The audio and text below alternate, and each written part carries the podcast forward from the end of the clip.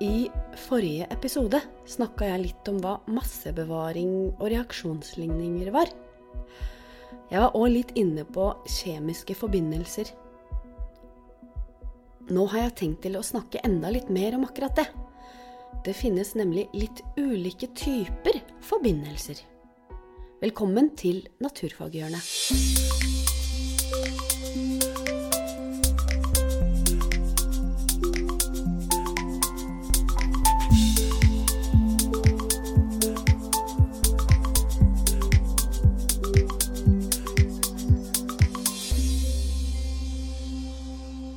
Kjemiske forbindelser består jo, som vi vet, av atomer som binder seg sammen.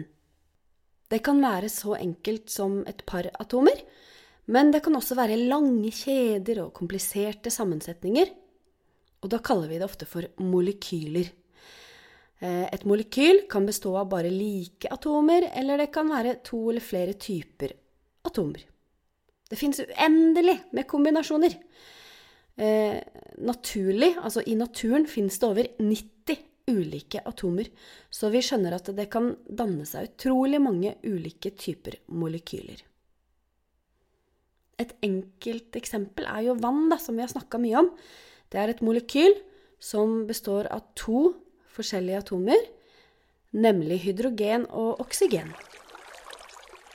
Jeg har jo lagd en episode om molekyler før, så jeg anbefaler å repetere den hvis du trenger det.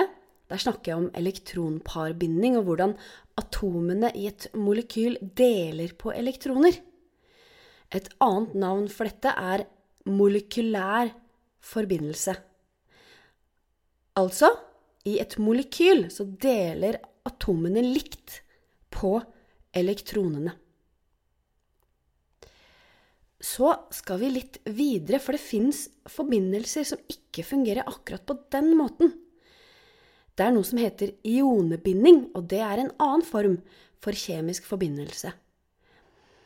Og ionebindinger finner vi i salter. Alle salter består av ionebinding. Kort sagt så kan vi si at i stedet for å dele på elektronene, så gir noen atomer fra seg elektroner, mens andre får. Jeg skal for, eh, prøve å forklare det her litt nærmere, og da tror jeg at jeg må starte med å forklare hva et ion er. Et ion er når et atom har ett eller flere elektroner for mye eller for lite. For noen ganger så gir atomer bort elektroner, eller de stjeler et. Og da blir det ubalanse mellom protonene og elektronene. Eh, hvis det er flere elektroner, altså enn protoner, så blir atomet negativt ladet. Hvis det er færre, altså flest protoner, så er det positivt ladet. Et ion er altså alltid positivt eller negativt ladd. Og når vi skal eh, skrive det ned sammen med det kjemiske symbolet, så setter vi ofte et plusstegn eller minustegn etter. Hvis jeg f.eks. skriver Na så betyr det et natriumatom som er positivt ladet. Altså det har for få elektroner. Da kan vi kanskje skaffe oss litt oversikt over salter. Det er altså kjemiske forbindelser mellom ioner. Og da kan vi jo bruke helt vanlig bordsalt eh, som eksempel. Altså salt som vi spiser og bruker til matlaging. Det består nemlig av to grunnstoffer, natrium og klor. Natriumatomet har bare ett elektron i det ytterste skallet sitt, mens kloratomet har syv.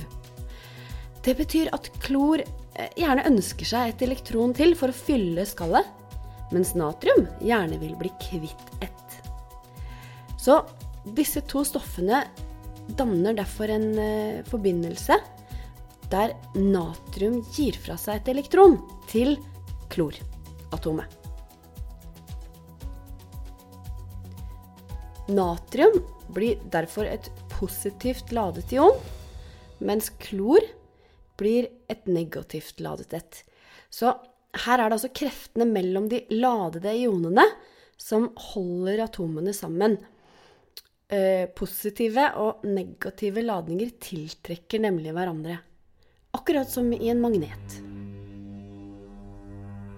Altså en ionebinding fungerer sånn at noen atomer gir bort elektroner, mens andre får. Og alle salter er ionebindinger. Til slutt så har jeg lyst til å ta med noen viktige egenskaper til salter. De har noen kjennetegn som er felles for alle salter. Eh, I tørr form så er salter ofte harde og sprø. Salter har høyt smelte- og kokepunkt. Salter kan danne krystaller. De løses ofte lett i vann. Ikke alle gjør, gjør det, men, men, mange av dem. Når salter er oppløst i vann, så kan de lede elektrisk strøm. Det får være nok kjemi for denne gang. Neste episode skal handle om stråling.